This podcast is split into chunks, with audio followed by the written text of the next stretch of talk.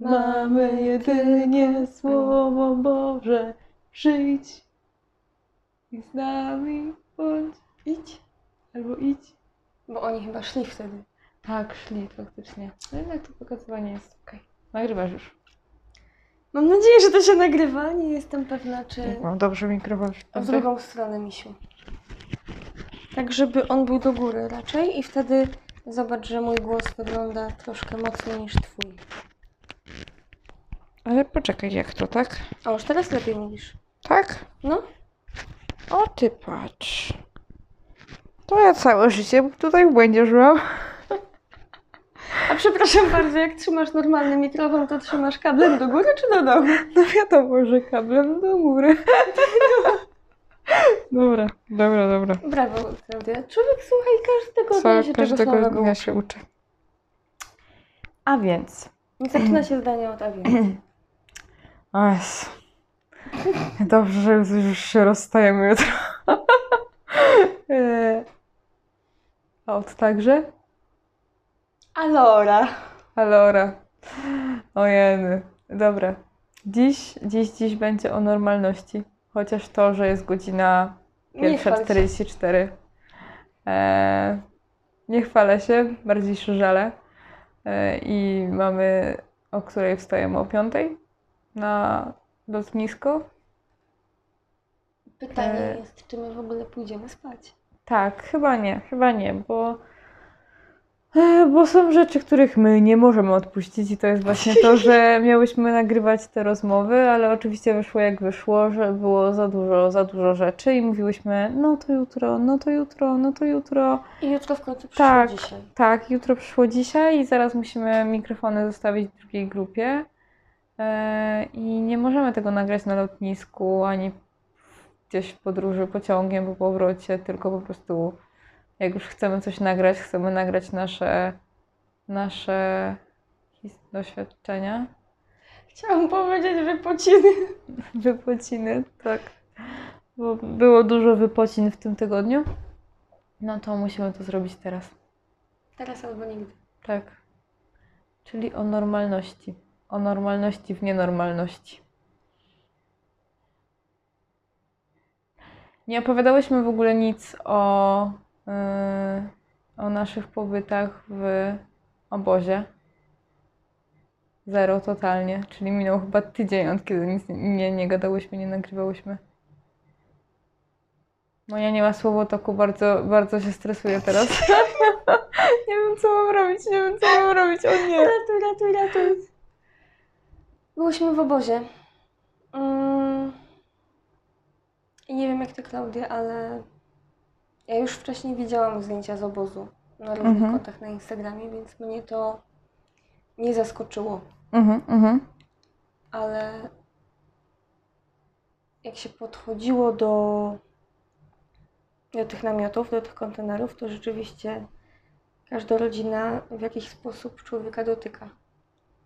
Tak, każda rodzina próbuje stworzyć sobie taką namiastkę swojego miejsca. Mm, Czy to jakimiś drzwiami zbitymi z desek na, zasuwek, na zasuwkę, czy to jakimiś po prostu dekoracjami, czy to jakimś takim małym ogródeczkiem mm, z pomidorkami na przykład obok namiotu. E, Próbuję po prostu stworzyć sobie coś z niczego, takie swoje, swoje domostwo. Próbują wrócić do normalności, Tak. którą mieli wcześniej. Bo też to, co ważne i to, co też warto by było zauważyć, to to, że e, do obozu należy wchodzić w butach zakrytych. Tak. Jak na górską wspinaczkę, można by było powiedzieć. Zwłaszcza jak są jakieś inicjatywy typu wejście na Wejdźmy wzgórze. górze. No, W obozie jest takie wzgórze i tam na tym wzgórzu jest boisko i właśnie dzisiaj e, idąc za inicjatywą Krzysztofa, która była w sumie bardzo fajna, ale no była oczywiście inicjatywą Krzysztofa, weszliśmy na to wzgórze. E, Wzgórze, które jest pewnym paradoksem, bo jak się na nie wchodzi, to ja byłam już oczywiście zasapana Tak. i zastanawiałam się, kto wpadł na tak genialny pomysł, żeby na szczycie wzgórza tworzyć boisko do kosza i do piłki nożnej. No, tak, tam to jest, były dwa takie, e, dwa takie boiska. taka- Taka Więc- rozgrzewka. Więc w pełnym słońcu, bez zadaszenia. E, Mhm. Niesamowite przeżycie, niesamowite przeżycie. Chociaż rzeczywiście boisko y, jest bardzo ładne, jest bardzo zadbane. Widać, że tak w nowoczesnym stylu jest Tak, zrobione. oprócz podłoża plastikowego, które pewnie musi bardzo boleć, jak się na nie upada. Tak mi się chociaż wydaje. No jeszcze nagrzane słońcem, to też Mhm, jakby nie, mhm. nie, nie polecam. Ale, ale rzeczywiście i po obozie chodzi się W zakrytych butach. w zakrytych butach, ponieważ samo podłoże to są kamienie zmieszane z piaskiem i rzeczywiście jak się idzie, to pełno jest gdzieś tego pyłu pod nogami. Ten Mhm. pył też się zaczyna unosić, przez co ja też mam takie skojarzenie, że obóz dla uchodźców jest po prostu szary, Mhm. Mhm. bo mamy te kontenery, które teoretycznie są Tak. z białe, góry tak też to naprawdę tak one są troszkę wygląda. już wybrudzone tym pyłem. Tak samo, y, tak samo namioty, więc jest tam tak troszkę nijak. Jakby cały obraz całościowo, no to jest szaro Mhm. i ponuro. Ale gdy spotykamy po kolei jedną, drugą, trzecią rodzinę, to zauważamy, że oni wnoszą taki, ja bym powiedziała, że kolor wnoszą do tego miejsca. Że swoją historią, tym jak funkcjonują, mm, tą swoją nadzieją, która gdzieś tam się jeszcze tli, sprawiają, że ten obóz jednak jest, jednak może być przyjaznym miejscem. Chociaż ja wiem, że to, to jest za dużo powiedziane, e, ale dzisiaj mieliśmy takie doświadczenie, które mnie osobiście bardzo wzrusza i w sumie kilka takich momentów mieliśmy, Mhm. że y, zazwyczaj jest tak, że chodzimy, chodzi, wchodziliśmy do obozu tylko po to, żeby y, Zebrać informacje, mniej więcej tak to wyglądało. Zależy też w jakich grupach. Ja też nie miałam najlepszego doświadczenia e, na pierwszym pobycie w e, obozie. Właśnie było to bardziej takie biurokracyjne, w sensie z, mi się tak wydawało. Na pewno to miało bardzo ważny sens i w ogóle, e, ale dla mnie samej nie było jakimś takim super cudownym przeżyciem. Do takiego stopnia, że po prostu ja akurat byłam też z Krzysztofem i Krzysztof mi powiedział w którymś momencie Klaudia, okej, jest jak jest, bądź po prostu oczami. I jakby koduj wszystko, co tutaj widzisz, co cię dotyka. Nie no, Krzysztof już tak nie powiedział, że tak ładnie, teraz dopowiadam. po prostu powiedział, żebym była oczami i, i to mi bardzo pomogło. Ale mów dalej, mów dalej. O, o, o naszych pobytach w obozie. E, Bo zazwyczaj było tak, że właśnie przychodziliśmy do obozu po to, żeby wykonać jakieś zadanie. E, Pierwsza nasza wizyta jakby opierała się na tym, że szukaliśmy osób, które mają jakieś problemy medyczne. Zbieraliśmy te informacje, pytaliśmy, jak możemy im pomóc, Mhm. czy mają dostęp do opieki medycznej. E, I kolejne nasze wejścia do obozu, e, w moim przypadku to było zbieranie informacji na temat osób, które chciałyby skorzystać ze szkoły języka angielskiego dla Mhm, dorosłych. Wcześniej też różnie, różne osoby wchodziły, żeby między innymi zabrać dzieci na szkołę pokoju, Tak, tak, tak, tak. czy, y, czy rozdać bilety, Tak, tak, tikety. tak. Później Tikety. cały obóz, jak widział nas, to... Tak, O, to ticket, pytał się ticket. o ticket, ticket. Mhm. A dzisiaj rzeczywiście y, troszkę... mm, Inaczej, też na luzie, bez, bez żadnej spinki, bo szłyśmy w prywatnych celach, można powiedzieć. Tak, ja miałam małe marzenie i bardzo chciałam je zrealizować, ponieważ dowiedziałam się od osób, które e, Były- były w innych grupach. Tak, i w innych częściach obozu, bo byliśmy rozdzieleni na, na różne części. Tak jest, były w takim namiocie. mm, Ja mówię, że to jest namiot artystów, bo jest tam para, która maluje obrazy i maluje piękne abstrakcje i maluje też sceny, które są związane z tematyką uchodźców, z tematyką obozu. I ja stwierdziłam, że ja bardzo chcę taki obraz. Mhm. E, Ja w ogóle lubię gdzieś tam wspierać e, artystów i, i Mhm, ludzi, którzy, mhm, którzy robią mhm. fajne i dobre rzeczy. I e, ja wiedziałam, że ja po, ja po prostu chcę. Mhm, Ja po mhm. prostu chcę taki obraz, chcę, żeby mi przypominał o tym, co, Co tu się tutaj się, wydarzyło. dzieje, Tak, tak, jakie tak. Mhm. emocje jakby zostają w moim sercu z tego wyjazdu. E, no ale też y, wiadomo, że, że sztuka tutaj też jest ważna i po prostu chciałam też w jakiś sposób wesprzeć tych ludzi, którzy no właśnie mieszkają w takich tragicznych warunkach. I poprosiliśmy naszego znajomego, żeby oprowadził nas o, po obozie, e, ponieważ on zna dobrze mm, obóz, bo, bo, nie, nieraz tam przyjeżdża. I on zaprowadził nas, powiedział, że pójdźmy do, do jego znajomej. Tak, tak, tak. I my tam poszliśmy, przywitaliśmy się z nią.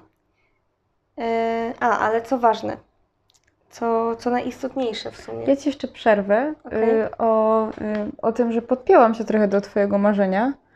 W sumie też właśnie przez to, że mm, wcześniej akurat miał, miałyśmy okazję zobaczyć te obrazy na zdjęciach właśnie osób, które tam były już w tym obozie, w tym miejscu. Mm, I zobaczyłam tam właśnie obraz mamy trzymającej dziecko i stwierdziłam, że ze wszystkich pamiątek, jakie mogę stąd przywieźć, ten obraz będzie idealny. W sensie idealnym idealną jakby mm, wyobrażeniem tego, e, jak, e, co ja tutaj przechodziłam i co mnie najbardziej dotykało właśnie te mamy z tymi dziećmi i to, i to gdzie, gdzieś, gdzieś tam miałam z nimi na chyba największy kontakt, że z nikim mi się tak dobrze nie, nie rozmawiało, jak właśnie z, z, z, z mamami trzymającymi małe, malutkie dzieci na przykład. Ale gadam bez ładu i składu, Nie, jednak jesteśmy tak zmęczone. Tak, Pierwsze 55. dobrze. Jedźmy dalej. E, ważne jest to, żeby zauważyć, że akurat dzisiaj, jak byliśmy w obozie, było e, 34 stopnie, Nie. okropne słońce i po prostu Tak. pierwszy raz w życiu tak się za mnie lał pot. Zwłaszcza, że miałyśmy na sobie koszulki Caritasu nieprane przez trzy, od trzech dni. Musiałaś to wspomnieć. Musiałam o tym wspomnieć. E, Tak, bo to ma być, to jest Myślę szczera sobie- e, rozmowa. No, nie można ukrywać takich rzeczy. szliśmy sobie po obozie, Tak. w tym gorącu. Pot z nas się lał. Jak ja sobie pomyślałam, że y, ta młoda dziewczyna zaprasza nas do namiotu, bo po krótkiej rozmowie powiedziała, że Mhm. chodźcie może na chwilę do naszego namiotu, to ja mówię, no chyba nie. Mhm. I Przecież te wszystkie namioty, tam, tam Tak, musi być tak tak, nagrzane. gorąco, są tak Mhm. nagrzane, że tam się nie da wytrzymać. I ja mówię, no jak my tam w ogóle, ja mówię, nie, dobra, to idźmy jakoś dalej, żeby szybko się Mhm, gdzieś jakiejś wody mhm, napić w mhm. ogóle, albo w cieniu schować. Bo w obozie jest bardzo mało miejsc, gdzie można się ukryć przed słońcem. Po czym stwierdziłam, że, znaczy stwierdziliśmy, tak, że e, dobrze to wejdziemy na chwilkę i w sumie to też tak, e, tak też nam powiedziano wcześniej, że jeżeli nam uchodźcy coś proponują, to warto z tego skorzystać, nie? Bo oni też oddają nam cząstkę siebie, zapraszając e, nas do Tak, swojego tak, tak. domu. I jak my tam weszliśmy, ja zobaczyłam ten namiot, ten piękny, zadbany namiot e, z tym dywanem na środku, Mhm. poduszkami, Tak, były Tam takie było poduszeczki, jakby czysto. jak, taki, jak taka sofa. Tak, Coś niesamowitego. a na środku tak stały, a na środku stały cztery wiatraki. Tak, cztery wiatraki i jeszcze na górze były dwa. Tak, No, to coś coś niesamowitego. cudownego. Ja mówię, co za w ogóle paradoks, że my... Tak. No ja miałam w swoim wnętrzu takie, nie, tylko tam nie idźmy, bo się po prostu Mhm, mhm. roztopimy, rozpuścimy, a, a okazało się, że tam znaleźliśmy takie wytchnienie, taki odpoczynek. Tak, tak, tak, tak. Można powiedzieć, że ten namiot, to zaproszenie do tego jej domu było takim wybawieniem dla nas w tej chwili. Mhm, mhm. Nie? Chwilą, gdzie możemy rzeczywiście odpocząć, yy, gdzieś tam być pod zadaszeniem i, i, i siedzieć razem w takim troszkę chłodniejszym miejscu. Tak, ale no właśnie, bo nawiązywałaś do tego, że wchodzimy w y, pełnych butach i pewnie chciałaś nawiązać do tego, jak wchodziliśmy do namiotu teraz. E, więc wchodziliśmy tam bez butów e, i no, mnie się to tak bardzo podobało. W sensie to było tak jak w takim no, polskim domu. W sensie, że szanujesz tego drugiego człowieka, tego gospodarza domu i ściągasz buty po prostu, bo ma czysto, bo nie chcesz nabrudzić. No, ja pamiętam, że po prostu jak tylko usłyszałam, że zdejmujemy buty, to z prędkością światła po prostu tak, tak, tak. Super, w sensie po tych dywanikach można było sobie tak przejść. No, dla mnie nie, niesamowita rzecz po prostu. Tak, I takie niesamowite okazanie wdzięczności i jakby taka niepisana tradycja, w sumie coś takiego. Mhm. Piękne też jest to, co zrobiła ta dziewczyna później, Tak.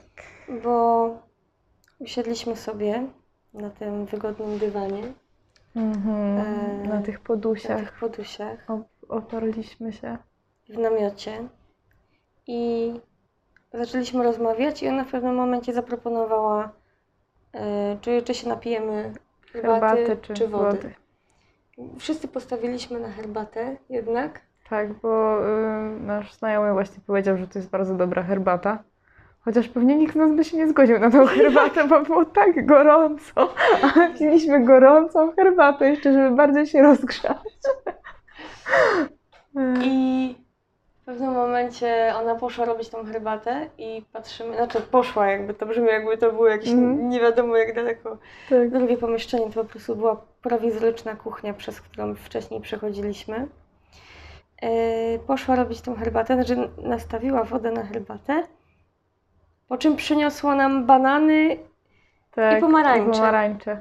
I to było coś Tak. niesamowitego. I jeszcze Ja mówię, takie y, wow. cukierki, Chałwę, tak, no. tak, taką, no, na Więc dla mnie to było takim lekkim szokiem, że, znaczy szokiem, w ogóle to jest takie śmieszne, że takie normalne rzeczy nas szokują. Tak, tak, tak, tak, no. I to też jak, jak to w ogóle mm, gdzieś tam budzi w nas te stereotypy, że co my sobie myślimy, że to są jakieś dzikusy, które się niczym nie podzielą. No, no taka prawda. Tak, No tak. nie? No przecież to są normalnie ludzie, którzy dzielili się tam, będąc, mając swój dom i dzielą się też tutaj, jakby nie, nic się nie zmieniło. Dokładnie. I nagle wiesz, dostajesz miskę z bananem, dzielimy się tym bananem i w ogóle jest, jest radość, nie? Tak, że ten ogóle banan jest najlepszy. ten banan jest najlepszy. I ta gorąca herbata w tych 34 stopniach jest idealna po prostu. Tak. I to, co mnie jeszcze gdzieś tam dotknęło, to to, że ona zrobiła tą herbatę tylko dla nas. Ona nie piła herbaty. No tak. Tak samo jak Tak, e, tak, tak. przyniosła te owoce, to też, Też nie niczego nie, jadła. zjadła. Mhm. Więc to też było takie, że jakby no ona nam oddaje siebie, nie? Ona Mhm, nam oddaje wszystko, co, co może jakby, nie? Więc to było to było coś niesamowitego.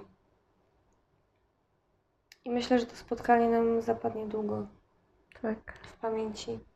Takie i to, to też było piękne, że my się nie spieszyliśmy, że my mogliśmy tam siedzieć Tak, tak, tak. ile chcemy tak naprawdę i z nim rozmawiać. Co akurat też nam tak, w sensie, bo miałyśmy do tego obozu tak naprawdę od trzech dni już chodziłyśmy i to co chwila się przekładało, przekładało i tam nie, dot, nie, nie, nie mogłyśmy dotrzeć. E, I e, jak wróciłyśmy dzisiaj do hotelu, to Mania właśnie powiedziała, że no, że do, dobrze wyszło, nie? Bo, bo dzisiaj się nie musieliśmy spieszyć. Więc też Tak. ciekawa jestem, y, jak to tutaj, y, że teraz to nagrywamy o tej godzinie i tego ostatniego dnia wpłynie na nas. Czy to też ma jakiś ukryty sens, że nagrywamy to teraz, a nie nagrywałyśmy tego przez tamte dni, gdzie, tym, gdzie bardziej żyłyśmy tymi wszystkimi historiami, bo tak naprawdę to jest nowa historia i mogłybyśmy nagrać nową, kolejną rzecz, a nagrywamy jakby no trzecią dopiero. Także zob- zobaczymy, co, ja- jaki jest w tym plan. Wszystko jest po coś. Tak, wszystko jest po coś. Jeszcze nie wiemy po co. Jeszcze ale właśnie nie wiemy, nie wiemy. Może się kiedyś dowiemy. Mm. Klaudia, czy Ciebie coś zaskoczyło w obozie? Ja cały czas mówiłam właśnie o tej normalności i że najbardziej zaskoczyły mnie, zas- zaskoczyło mnie to dbanie o te namioty. Takie niepoddawanie się, że pokażemy i zrobimy najpiękniej jak się da, jakby wokół siebie. Oprócz namiotów też widać y, inne takie przejawy normalnego życia. Tak, tego, jest biblioteka. Jest y, mały warzywniak. Na wejściu można Właśnie. kupić kawę. jest taki mały sklepik. Jakby Chociaż takie... te, te punkty są Tak. organizowane często przez różne organizacje, Organizacje. pozarządowe, Mm, tak, tak, ale tak. to, na co ja zwróciłam uwagę, to też y, te doniczki Mhm, z mhm. małymi pomidorami albo różnymi y, ziołami, czy, czy właśnie tak, warzywami, tak. które gdzieś tam osoby mieszkające w obozie próbują mm, sobie wyhodować. I rzeczywiście to też pokazuje, no dwa tygodnie pomidorów nie wyhodujesz, nie? Mhm, mhm. I to też pokazuje, jak oni bardzo Długo długo muszą, muszą być. I to jest przykre. I to gdzieś tam z każdej strony wraca do człowieka. Idziesz sobie przez obóz, tak jak my dzisiaj, y, który jest podzielony na różne strefy. I Jest strefa y, osób, którzy, które pochodzą z Afryki, jest strefa y, osób, które pochodzą z Syrii, Mhm. część też jest z Afganistanu, więc każda taka. Obóz jest podzielony na różne strefy.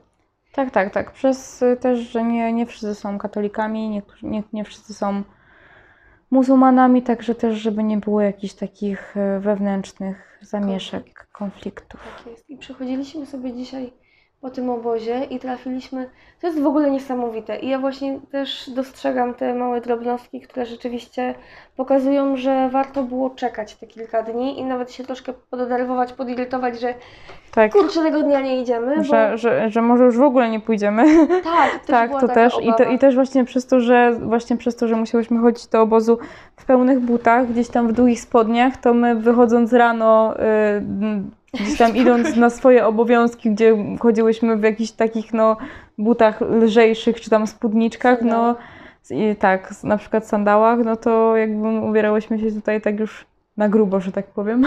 Tak, i cały dzień I cały dzień butach. tak. tak, E, tak. Tak, i tak przez trzy dni. Ale rzeczywiście weszliśmy dzisiaj do tego obozu i no ja dostrzegłam tą codzienność. Jakby dzięki temu, że nie byłam zajęta pewną misją, że tak powiem, tak? Tak, pewnym tak, tak. zadaniem, że Mhm. muszę, nie wiem, znaleźć takich i takich ludzi, to ja weszłam tam z takim spokojem i jakby bardziej skupiłam się na obserwowaniu życia w obozie. I to było niesamowite, że trafiliśmy na przykład na e, modlitwę muzułmańską Tak, tak, tak. która odbywała się właśnie y, w obozie na zewnątrz. Y, Później przychodziliśmy i nie wiem, czy Klaudia zwróciłaś na to uwagę, ale mijaliśmy dwóch chłopców, którzy bawili się wózkiem, takim wózkiem dziecięcym.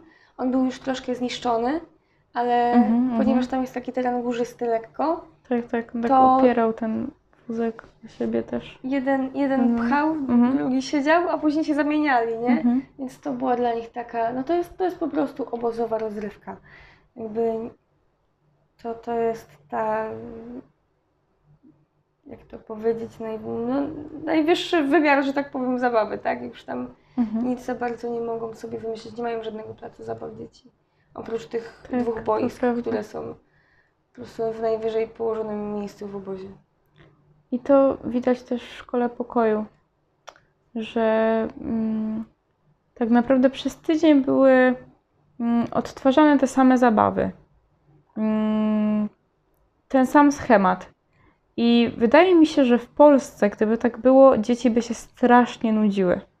A tutaj każdego dnia, pomimo tego schematu, e, jakby cały czas były te iskry w oczach, że, że, że robimy coś nowego pomimo tych powtórek, że, że oni tak bardzo chcą zrobić coś innego, bo oni tego w obozie nie mają. Piłki, zabawy, naukę języka angielskiego, dużo cioć i wujków dookoła, którzy się chcą z nimi bawić, którzy chcą pogadać. Sama kwestia tego, że oni wychodzą z obozu i idą w nowe miejsce, znaczy w inne miejsce, tak? Tak, tak, tak. My też jak wyjeżdżamy sobie gdzieś na urlop, odcinamy się od naszego domu i wtedy możemy sobie w pełni odpocząć, tak? Odcinamy się gdzieś tam od pracy, od studiów, od szkoły i gdzieś tam nasza głowa jest wolna od, od gdzieś tam pewnych problemów. Mhm. I tutaj jest tak samo, czy, czy to dzieci, które przychodzą do szkoły pokoju, czy to dorośli, którzy przychodzą do naszej restauracji, czy całe rodziny. Oni, dla nich jest to pewne wydarzenie. Oni wychodzą z obozu mogą spotkać się z różnymi ludźmi, z różnymi ludźmi z całej Europy, z różnych państw. I dla nich to jest pewnego rodzaju odskocznia, która jest bardzo ważna, która też gdzieś tam wpływa na naszą psychikę. Dzisiaj była z nami na, na szkole pokoju pewna pani. Tak, mama jednego z, z dzieci. Tak? O, Tak, opowiadaj, tak, tak. opowiadaj, Monika, opowiadaj. I nie, mnie ta pani bardzo wzruszyła, Tak. ponieważ ona przychodziła do nas, y, to już był któryś raz z kolei. Mhm. Y, I ona dzisiaj powiedziała słowa, które, e, no, które spowodowały, że po prostu e, moje oczy się zaszkliły, bo powiedziała, że odkąd mieszka w obozie, a mieszka z tego co kojarzę dwa lata, Mhm. tak mi się wydaje, Tak, tak, tak. że od dwóch lat mieszka w obozie, to nigdy nie, by- znaczy to prze- w, w ciągu tego całego czasu nie była tak szczęśliwa jak przez te kilka dni, yy, które z nami spędzała. Mhm. I to było coś niesamowitego, bo my tak naprawdę tam nie robiliśmy wielkich rzeczy. Na końcu nas uściskała, namalowała nam serce wodą, uściskała nas. Eee, tak mocno, tak z całej siły, tak z taką wdzięcznością i z taką maczyną, matczyną opieką. Ja widzę właśnie w tym obrazie ją. Namalowała, znaczy namalowała, no, namalowała nam Namalowała, tak. na, y, na ziemi serce y, wodą, bo powiedziała, że nie umie, nie potrafi napisać nam Mhm.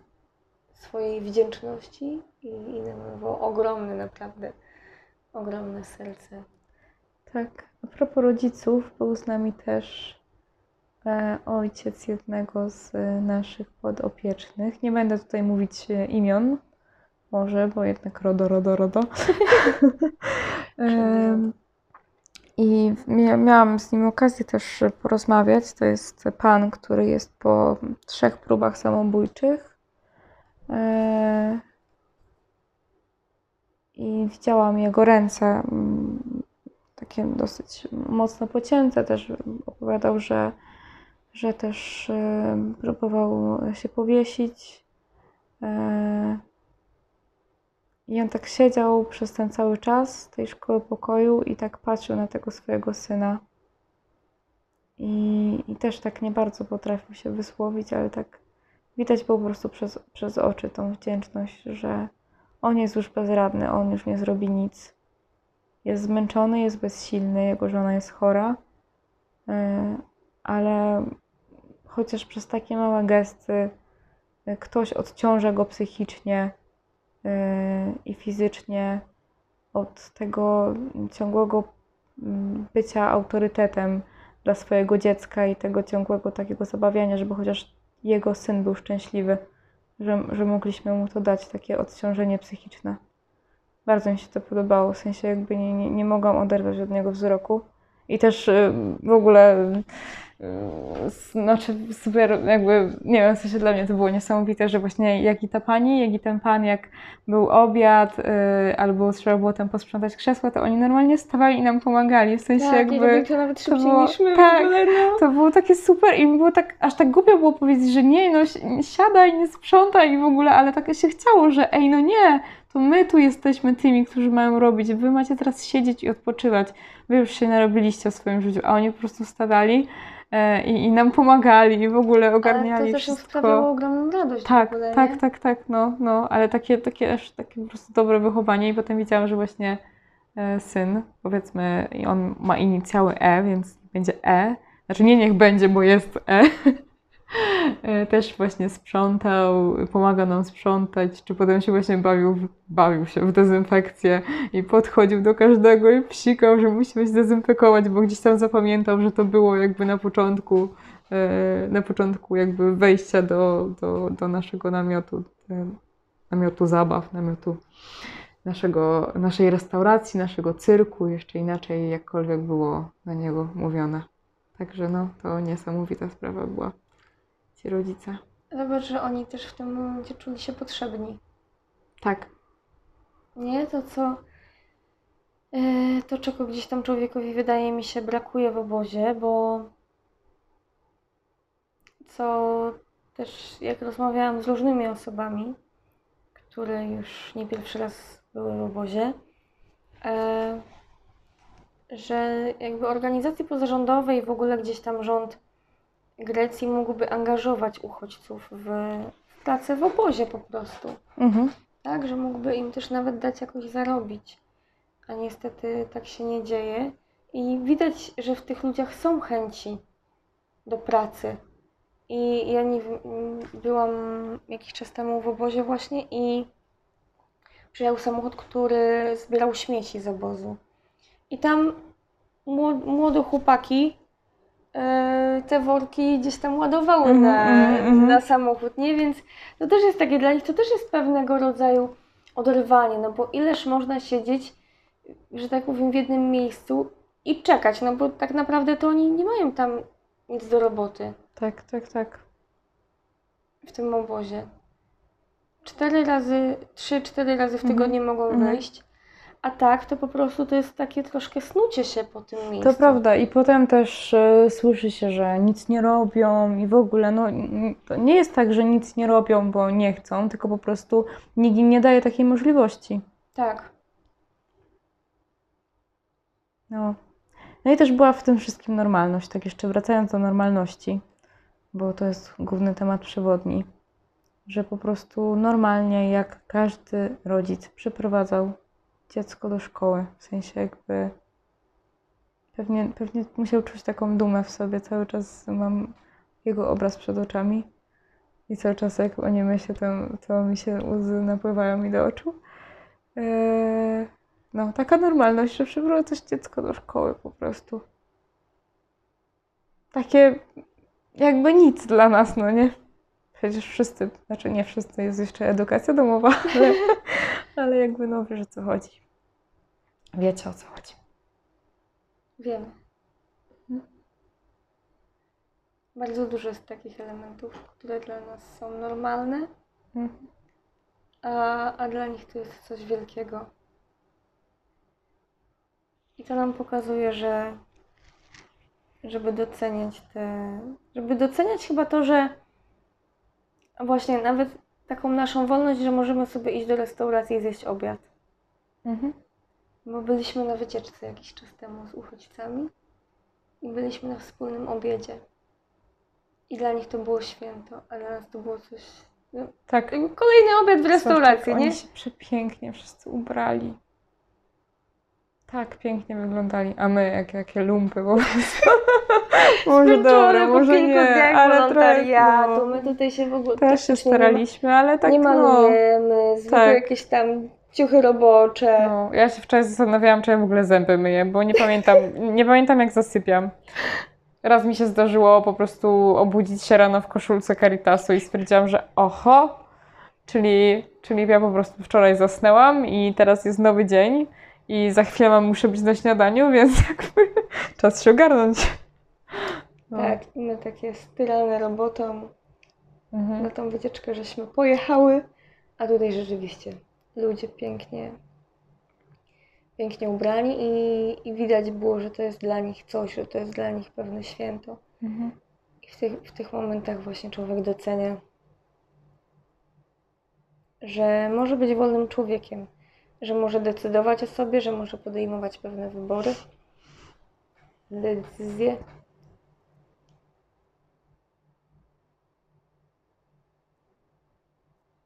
To jest niesamowite.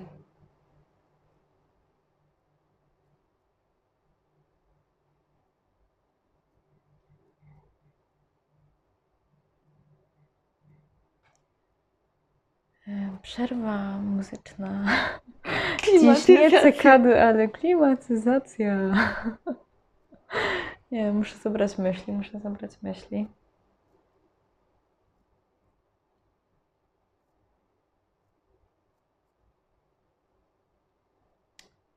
To, co jest normalne, ale nienormalne,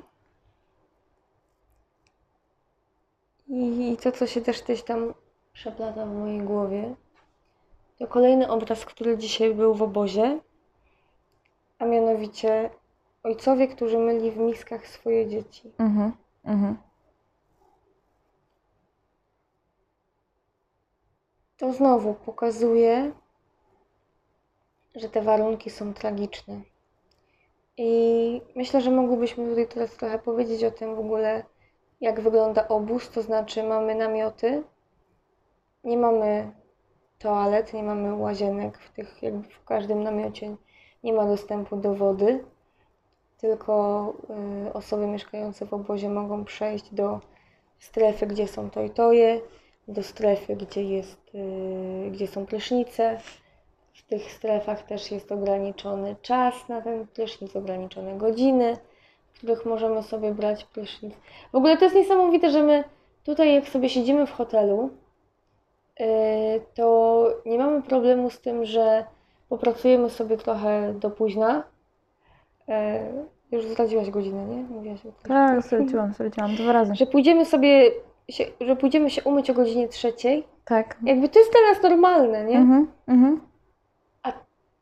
A w obozie nie ma czegoś takiego. Masz wyznaczone godziny i musisz się ich trzymać. Mhm.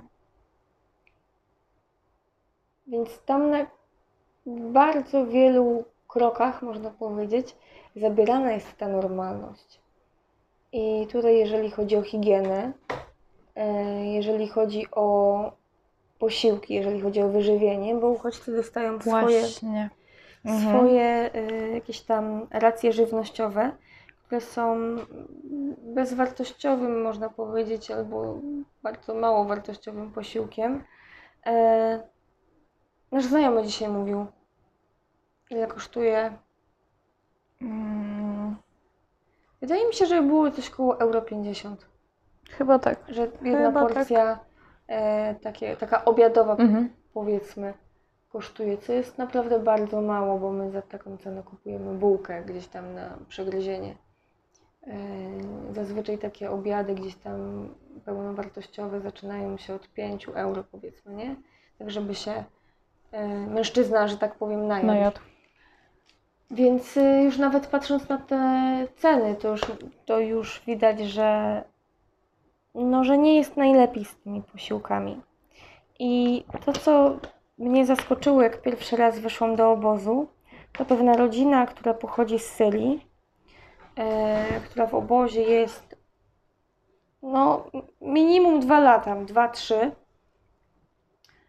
I to było tak, że my byliśmy z grupą właśnie wolontariuszy, które, która spisywała mm, osoby, które właśnie potrzebują jakiejś pomocy medycznej. I ja jakby z racji tego, że to był mój pierwszy raz w obozie, też nie chciałam gdzieś tam e, się narzucać. Myślałam, że bardzo, że, Mhm. nie chciałam przeszkadzać za bardzo tym Mhm. osobom. I gdzieś tam zagadywałam rodziny, które siedziały właśnie przed swoimi barakami czy namiotami. I zobaczyłam pewną panią, która kroi cebulę do wielkiej miski. No i ja tak podeszłam, zaczęłam z nią rozmawiać. E, No i się okazało właśnie, że, jej rodzin, że jest tutaj całą rodziną, że jest ze swoim mężem, ma piątkę dzieci, z czego e, dwójka to są bliźniaki. Mm, I jakby, no to było takie niesamowite, że ja tak stałam Mhm. i ona, ja, ja stałam, ona siedziała i tak sobie rozmawiałyśmy. Później sobie kucnęłam chyba, taki zrobiłam, ale taki, taki lekki słowiański przykuc. I one w pewnym momencie powiedziały, y, żebym usiadła tutaj koło nich, żebym usiadła tutaj z nimi. Mhm. I to mhm. był taki pierwszy właśnie impuls. Mówię, jejku, jak w ogóle, wiesz, no, zostałam zaproszona jakby, nie? Na ten ich Mhm. mały, prowizoryczny tarasik, żeby usiąść gdzieś tam na jakimś malutkim dywaniku, żeby, żeby nie musieć, nie musieć kucać, tylko sobie wygodnie usiąść. I to było pierwsze takie, mówię, wow, ale w ogóle miło. E, no i znowu, nie? Mhm. Taka Normalność. głupia, normalna Tak, rzecz, tak, nie? tak. A ty się zachwycasz. I też trochę z nią porozmawiałam właśnie o tych, o tych posiłkach, bo mówią, że, że tego się nie da jeść. Tak, tak, tak. A propos posiłków też miałam taką rozmowę, normalną rozmowę z mm, dwójką, właśnie z mm, jedną panią i z jej, jej mężem. E, przyszli z synkiem do restauracji. E, ja mam trochę problem z tym takim small talkiem. E, i, I to ona zaczęła mnie zagadywać. Pierwsza, jakieś, jakie jest moje ulubione danie, co lubię najbardziej gotować. I ja byłam po prostu zaskoczona, bo ona, ona po prostu chciała to ode, ode mnie po prostu wyciągnąć takie, takie najprostsze informacje, co lubię robić i w ogóle. I właśnie gadałyśmy o tym, ja opowiadałam jej, że lubię, lubię gotować szpinak z makaronem i z fetą, bo, bo to oczywiście jest moje ulubione danie i to chyba wszyscy moi znajomi wiedzą. W ogóle, czy ja to mi już nie opowiadałam? Nie. Nie? Nie, dobra, okej, bo miałam takie wrażenie przez chwilę. E, I, I no ja po prostu byłam zachwycona nimi. E, zwłaszcza, że potem e, próbowałyśmy się przenieść. W sensie ja pierwszy raz wtedy odważyłam się zapytać o historię. E, Ale to za chwilkę. No i ona też właśnie mówiła, że w, w obozie jest e, bardzo złe jedzenie, że ma już dosyć ryżu e, przede wszystkim i że ona po prostu tam u siebie tak bardzo lubiła gotować, a teraz tutaj jakby tego nie ma, bo nie ma też na to pieniędzy, no nie? Taka prosta rzecz. Ona po prostu chciała być taką dobrą panią domu i to, i to jakby wydawało mi się, że to jest jej wyznacznikiem, że e, ona po prostu zawsze robiła dobre dla, danie dla swoich dzieci, dla męża, a teraz jakby nie jest w stanie. No i też tutaj był wątek tego, że jej- okazało się, że ma syna e, w wieku 23 lat i właśnie mówiła, że mogłabym być jej córką. Znowu wątek takiej mamy.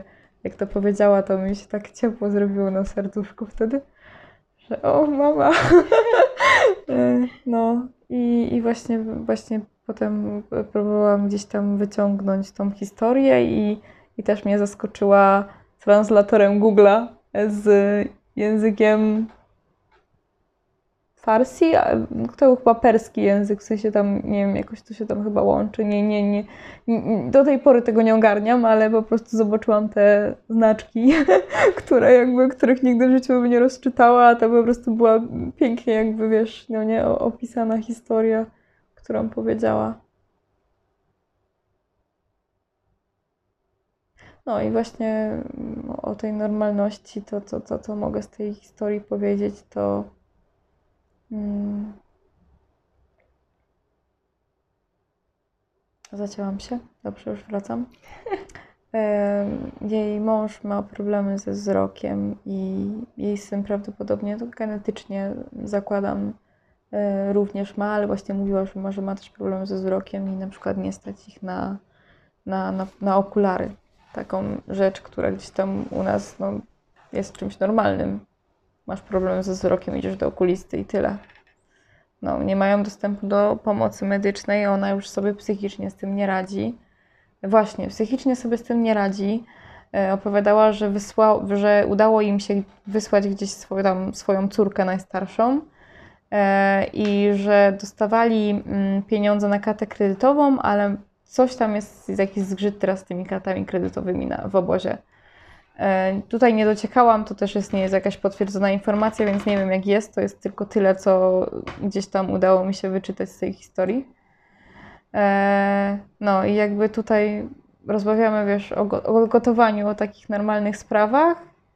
E, I ona się śmieje i uśmiecha i jest zabawnie, jest miło, jest sympatycznie i po prostu chce z nią siedzieć jak najdłużej się da. Tak odnoszę się tylko do tej pani, bo właśnie mąż gdzieś tam się zajmował tym dzieckiem i oni byli też tak odcięci. Poza tym ona najbardziej znała język angielski potem też najbardziej ogarniała translatora e, z, właśnie ze swojego języka na angielski. E, No i, i gdzieś tam ta, ta tragedia taka mm, owiana takimi fajnymi, miłymi historiami z życia. Przypomniałaś mi o jednej rodzinie, e, w której córka choruje. Mm, Oni są z jakiegoś kraju afrykańskiego. Nie pamiętam, czy to jest. Najprawdopodobniej to, to będzie Kongo. Mhm. I, I rzeczywiście była taka sytuacja, że ta dziewczynka potrzebowała ibuprofenu. Czyli leku, który u nas tak naprawdę jest na wyciągnięcie ręki. W No każdym tak, sklepie tak, można tak, go tak, tak, dostać. Tak, a tam w ogóle. I to jest niesamowite. I to jest też takie. Widzisz, my jak idziemy do sklepu, to sobie kupujemy te tabletki, weźmiemy jedną i to później leży to opakowanie i trzeba Tak, wyrzucić, zwłaszcza jak nie? się gdzieś wyjeżdża i tworzy się tą super apteczkę, której się nie używa. Tak. I, I po prostu bierze się. I później, i później masz, musisz mieć co roku przegląd tej apteczki i wyrzucasz Tak, połowę, bo tak, wszystko, tak, tak. no, bo ta połowa jest przeterminowana. A tutaj naprawdę dziewczyna potrzebowała tylko tego, żeby troszkę jej ulżyć gdzieś tam w cierpieniu. I to jest chyba takie najgorsze, najgorsze uczucie, nie? Że oni nie mogą mieć czegoś, co jest dla nas na porządku dziennym. Mhm. bo, bo na przykład nie mają pieniędzy, nie? Na, na, na funkcjonowanie. Muszą się zastanowić, czy gdzieś tam. Pytanie jeszcze, z czego odłożyć, nie? Bo przychodzą do obozu, siedzą tu przez 2-3 lata, ale nie mogą pracować. Yy, czekają cały czas na zgodę o azyl i jedyne, co im pozostaje, to czekanie.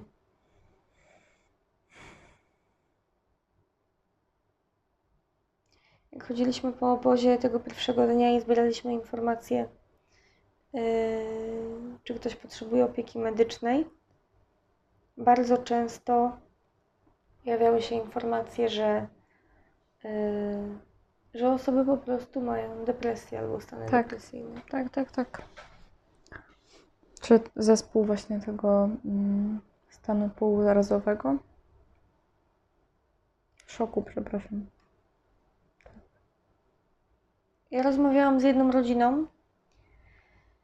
Yy, przypadek po prostu nie do opisania. To, ile oni mieli ze sobą różnych dokumentów, ale zaraz powiem, bo często jest tak, że uchodźcy, którzy przychodzą do nas do restauracji, ufają, że wierzą też, że my im pomożemy i Tak, biorą tak, ze tak. sobą wszystkie dokumenty. Zresztą oni wszędzie z tymi dokumentami Mhm, chodzą. mhm. Nawet można zobaczyć właśnie na ulicach, gdzieś tam jak Tak. jedziemy e, do, do restauracji, czy wracamy i właśnie mają przepustki, to faktycznie chodzą z takimi e, Bo kolorowymi być może teczkami. ktoś im tak. właśnie pomoże. I miałam taką sytuację, że przyszła, przyszło ma- ma- małżeństwo i bardzo chcieli, żeby im pomóc. I ten pan był z Afganistanu. Mieszkał przez pewien czas w Norwegii. Norwegia go cofnęła, że tak powiem, do Afganistanu. Tam poznał kobietę, Mhm. która uciekła z domu. A uciekła dlatego, ponieważ jej ojciec chciał, żeby ona wyszła za 65 że- za 65-letniego taliba. I tu jest pierwszy szok, że, że ona jakby musiała uciec i z tym mężczyzną, którego właśnie poznałam, yy, uciekła i wzięła nielegalny ślub. Drugi taki dramat jest, yy, jakby polega na tym, że mają małą córeczkę, którą ona musiała zostawić, gdy to maleństwo miało dwa miesiące. Mhm. Teraz jest, yy, teraz przebywa w, yy, w Pakistanie yy, ze swoją ciocią. I jakby no, dramat matki, która, no oni po prostu uciekają przed wojną, tak? Bo y, jeżeli zjawią się w Afganistanie, to ona. Jej ojciec po prostu jej powiedział, nie? Albo wyjdziesz za tego człowieka, albo będę musiał cię zabić, więc jeżeli ona się pojawi w, w Afganistanie, no to po prostu grozi jej. y, grozi jej śmierć po prostu na ulicy. Tak samo tego mężczyzny. Tego mężczyzny czeka.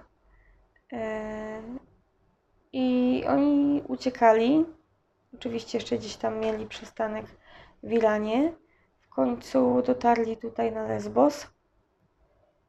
Ich obecna sytuacja jest taka, że ta kobieta co noc płacze, no bo jednak jest oddzielona od swojego małego dziecka, Mhm. które w tej chwili ma. Nie wiem, czy roczek ma. Chyba jeszcze nie. Ten człowiek, jej mąż, ma. e, nie może w nocy spać. Cały czas boli go głowa. Jest zestresowany i w ogóle nie wie, co ze sobą zrobić. Żeby tego było mało, żeby tych dramatów było mało, to jeszcze jest, dochodzi do tego historia, którą mi opowiedzieli. E, historia z gazet. Ja aż, e, jak czytałam te artykuły, które oni mieli wydrukowane, mówię, nie no, to jest w ogóle niemożliwe, że ja tutaj z wami siedzę i rozmawiam. Mhm. E, okazało się, że 11 lat temu, tak mi się wydaje, że to był 2010 rok, e, brat tego mężczyzny zginął w Atenach, bo w Atenach Mhm. w pewnym koszu na śmieci była podłożona bomba. Mhm. I on to otworzył, chciał zobaczyć, co tam jest. Yy, No i ta, bom- ta bomba, ten ładunek wybuchł po prostu.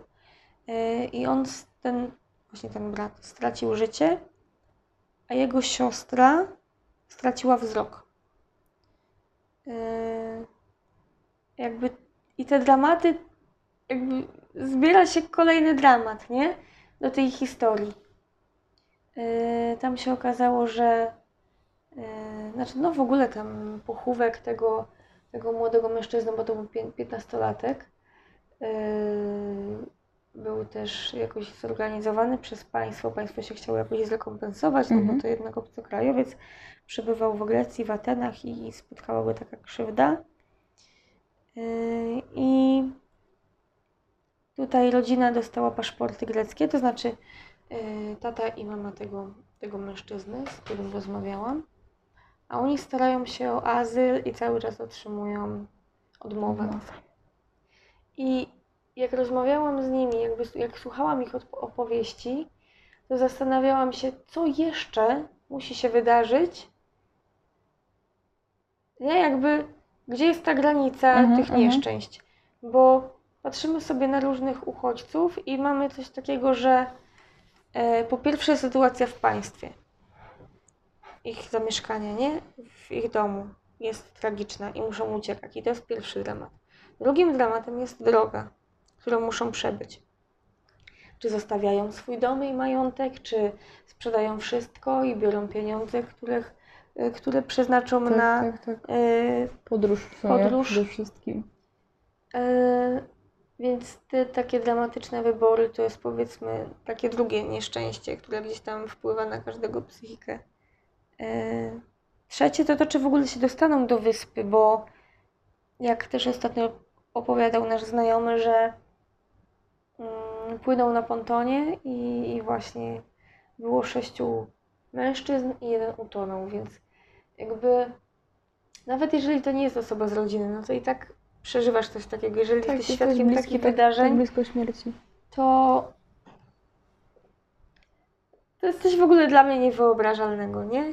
Masz kolejne nieszczęścia Mhm. i przychodzisz do granic Europy i spotyka cię kolejne nieszczęście. Tak, u nas normalnie chodziłoby się po prostu na terapię i przepracowywałoby się każdą tą tragedię. A oni muszą sobie radzić z tym sami. I, I tak jak powiedział ten pan, on płacze, y, on płacze co noc po prostu. On nie może spać, bo nie może sobie z tym poradzić. Z tą myślą, że, y, no, że wiadomo, że ma jakieś wspomnienia gdzieś tam ze swoją rodziną, nie może się z nią widzieć i em, tych dramatów y, takich rodzinnych ma swoich bardzo dużo. Jeszcze do tego dochodzi ta mała córeczka, z którą, którą widzieli się przez, tylko przez dwa miesiące tak naprawdę Mhm. mieli ją przy sobie. I kolejne dramaty to to jest, jest niewyobrażalne cierpienie.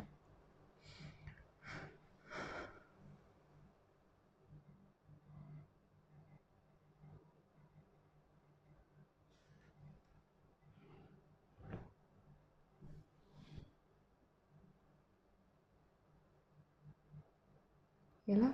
54. Żyłka. Kończymy.